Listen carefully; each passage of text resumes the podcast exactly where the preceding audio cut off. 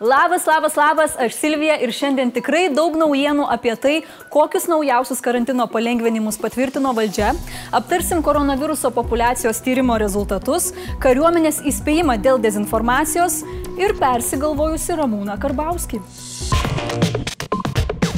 Ketvirtas izolacijos švelninimo etapas jau čia. Karantinas pratestas iki vasaros, bet jau nuo pirmadienio bus galima. Dėmesio - lankyti vairavimo kursus, lankyti kalbos egzaminus būtinus stojimui į užsienio universitetus. Nuo kito penktadienio grįžti iš Lenkijos, Latvijos ir Estijos, netaikant 14 dienų savizolacijos. Kitiems irgi galima atvykti, bet izoliuotis reikės. Dar po dviejų savaičių pažadėta pagaliau atidaryti visus darželius, leisti privačias treniruotės sporto klubuose, hm, pabrėžiu, ne grupinės, privačias. Tai zumbos penktadienius dar šiek tiek teks atidėti. Bus leidžiami renginiai laukia iki 30 žmonių. Taip pat galėsime lankyti pacientus, vyrams bus leista dalyvauti gimdyme ir patekti pas odontologą. Čia ne tik vyrams. Renginiai uždarose patalpose grupėms iki 30 žmonių bus galimi tik mėnesio pabaigoje. Vyriausybė taip pat švelnins reikalavimus kaukiams. Maudytis ežere ir veikinti galėsite be jų. Na, nes kaip tik vat, savaitgalį veikinau, tai žiauriai tą kaukę trukdė su šlapo, pamečiau paskui, kol radau, nu žodžiu. Tai, tai labai gerai. Paaiškėjo didžioji dalis rezultatų po savaitgalio populacijos koronaviruso tyrimo. 15 min gautais duomenimis savanoriškai išsitirti dėl koronaviruso panoro beveik 4 tūkstančiai žmonių. Daugiausia drąsuolių - daugiau nei 2 tūkstančiai Vilniuje. Matyti dėl tų testų kodų dalintų internetu, o ne parduotuvėse. Iš viso simptomų neturintys žmonės tyrėsi dešimtyje šalies miestų. Paaiškėjo, kad iš visų savaitgalį ištirtų žmonių teigiamą koronaviruso atsakymą gavo tik vienas Vilnietis. Nedidelė dalis žmonių vis dar laukia rezultatų. Šiandien paskelbta apie dar vieną viruso auką Kauno Respublikinėje ligoninėje. Bet Džiugu tai, kad pasveikusių nuo koronaviruso šalyje skaičius jau peržengė 700.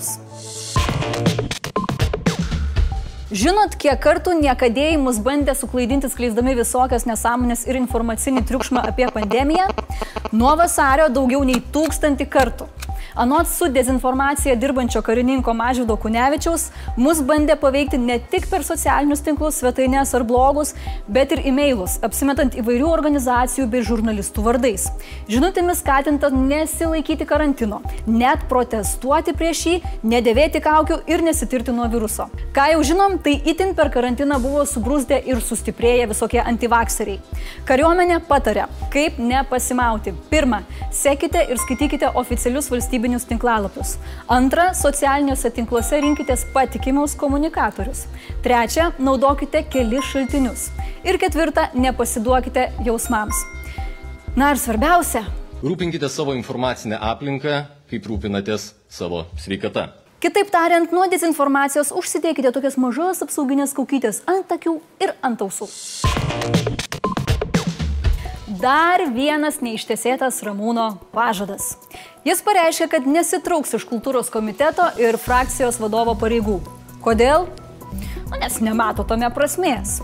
Nors pats apie tai paskelbė daugiau nei prieš tris mėnesius. Karbauskis žadėjo atlaisvinti postą ir visą savo laiką skirti susitikimams su rinkėjais ir važiavimams po savivaldybės, Nu dabar, kai niekas niekur nevažiuoja ir renginių nevyksta, tai galima ir toliau savo patogiai sėdėti. Tuo labiau, kad visą rinkimų kampaniją teks kelti į internetą. O Ramūnui kol kas online labiausiai sekasi kelti naisių nuotraukas. Nu gerai, dar video montažus su konservatoriais. Rinkiminę kampaniją Karbauskis pradėjo kritiką prezidentūrai, teikdamas, kad dabar ne mokesčius reikia mažinti, o pajamas didinti. Kaip didinti? Nepasakė, sugalvokit patys. Dar nepatenkintiems verslams ir žinoma konservatoriams valstiečių lyderis priminė, kad vėluojanti parama yra geriau už neegzistuojančią paramą.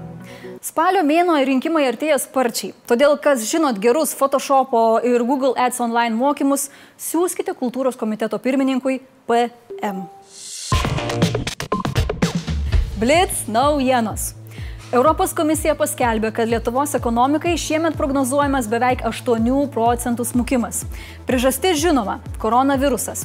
Vis dėlto kitiems metams skaičiavimai optimistiškesni. Žadama, kad mūsų bendras vidaus produktas išauks daugiau nei 7 procentais. Na tai gal nėra taip labai ko ir liūdėti.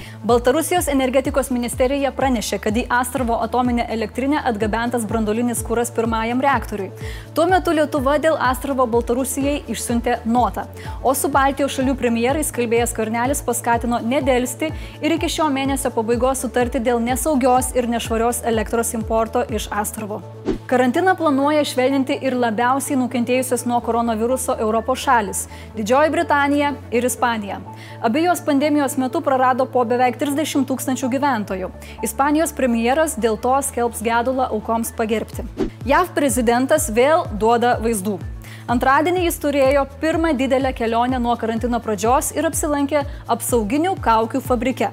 Vizitas buvo skirtas pagerbti fabriko darbuotojams. Pagerbta, na, savotiškai, nes pats Trumpas veidą kaukę prisidengti atsisakė. Kad jau vakar Timūras užbaigė filmų naujienom, tai neatsiliksiu ir aš. NASA paskelbė, kad žavusis, bet jau šiek tiek pasenęs Tomas Kruzas kitą savo filmą kurs orbitoje, 400 km aukštyje, per pusantros valandos vis apskriedamas aplink Žemės rutulį. How cool is that? Šiandien smagius video linkėjimus būti atsargiems su maistu siunčia Rita Miliūtė. Lama, lama, lama, lama, lama.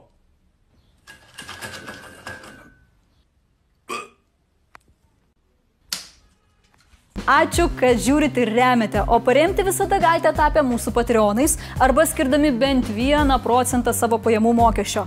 Atsisveikinu iki ryt ir tiek žinių.